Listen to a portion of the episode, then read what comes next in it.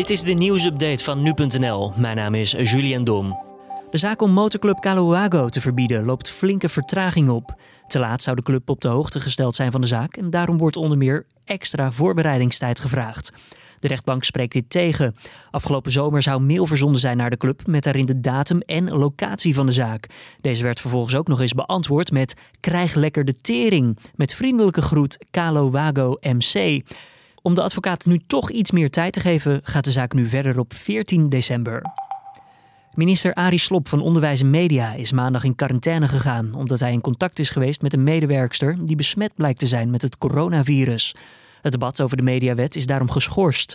Slop laat verder weten zich goed te voelen. Eerder gingen staatssecretaris Ankie Broekers-Knol van Justitie, minister Wopke Hoekstra van Financiën en minister Tamara van Ark van Medische Zorg al in thuisquarantaine.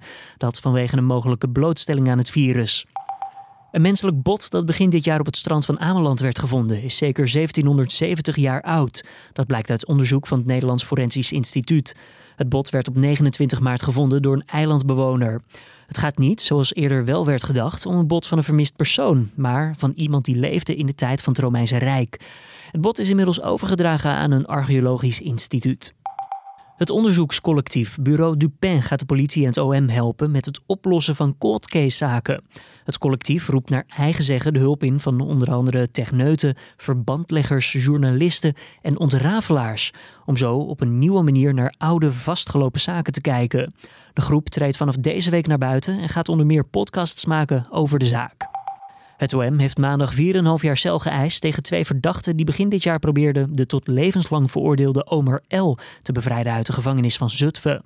In totaal staan vier mannen terecht die tijdens hun vluchtpoging aangehouden konden worden. De uitbraakpoging vond op 19 januari van dit jaar plaats. De mannen probeerden spijlen door te knippen met een betonschaar en dat is allemaal vastgelegd met beveiligingscamera's. De recordoverwinning van Ajax afgelopen weekend op VVV Venlo baart geen zorgen bij de komende tegenstander in de Champions League van de Amsterdammers. De trainer van Atalanta benadrukt dat Ajax een goede ploeg is, maar de Champions League is toch echt iets anders dan de Eredivisie.